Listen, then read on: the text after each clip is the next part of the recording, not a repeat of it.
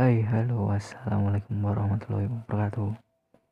Hmm, podcast pertama tapi episode 2 yang judulnya overdosis harapan. Di sini isinya tentunya berisi harapan. Gak usah dijelasin juga, semua orang tahu masku. Apalagi anak muda zaman sekarang yang kebanyakan ngarep.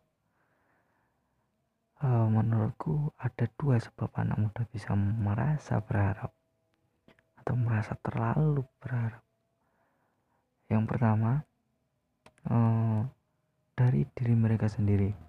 Mereka menganggap diri mereka sudah mampu mendapatkan orang yang mereka harapkan, padahal orang tersebut belum atau tidak menunjukkan sikap bahwa dia ingin diharapkan, atau orang tersebut bahkan tidak memberikan harapan pada mereka. Dengan kata lain, mereka kepedean tapi nggak apa-apa itu wajar untuk anak muda.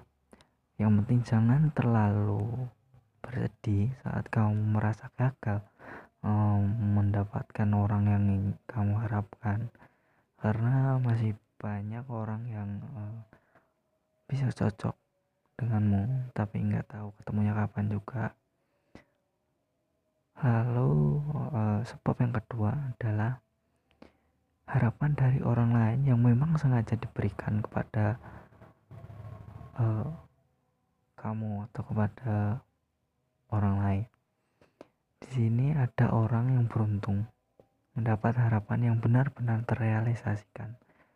Tapi ada juga yang uh, hanya mendapatkan harapan. Tapi positif thinking aja juga ya mungkin orang yang hanya ngasih harapan tersebut punya alasan lain yang nggak bisa disampaikan.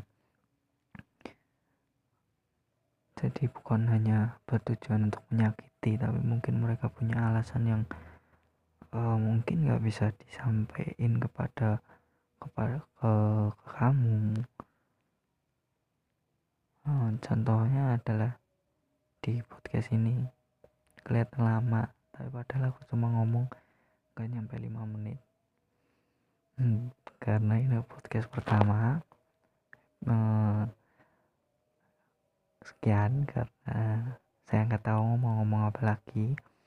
Mungkin episode berikutnya lebih baik atau malah lebih buruk saya nggak tahu.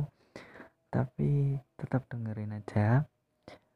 Sekian wassalamualaikum warahmatullahi wabarakatuh